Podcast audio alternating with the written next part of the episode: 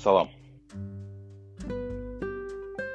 İlk dəfə olaraq podkasta çıxıram və bunun çıxmanın səbəbi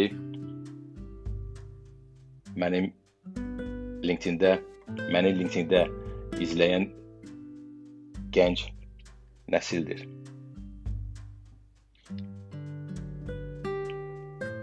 Yeni ildə yeni ideyalar var, yeni layihələr var və onları sizinlə bölüşmək üçün hansı alətdən istifadə edəcəyimi bilmirəm. Buna görə də sizin fikriniz mənim üçün çox maraqlıdır. Hal-hazırda 3 alət var. Bildiyiniz kimi ən azından 3 alət var.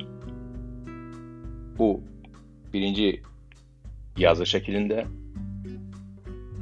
ikinci video formatında, misal üçün YouTube və səs formatında.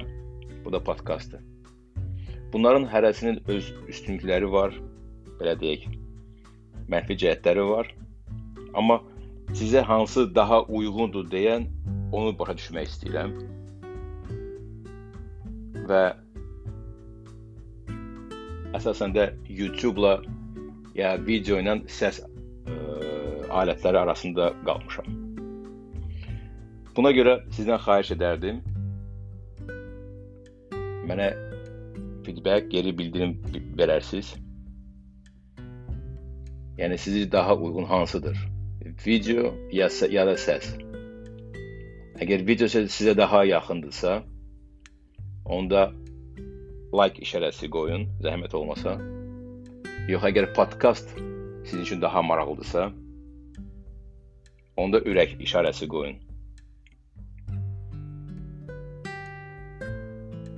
Və mən də sizə söz verirəm ki, maraqlı bir layihəni başlayacağam sizinlə birlikdə və ə, e, buna görə də sizin təcrübəniz mənim üçün çox vacib olacaq. Yeri gəlmişkən Kəmal Mahmudova bu fikir, podkast ideyaya görə öz minnətdarlığımı bildirmək istərdim. Çünki bu onun ə, e, kommentində mən bunu gördüm, postunda bunu gördüm və dedim bir yoxlayım görüm bu Ankara FM tətbiqi necə olan bir şeydir. Çox gözəldir. Və bu qədər.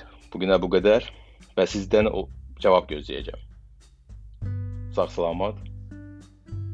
Görüşənə dək.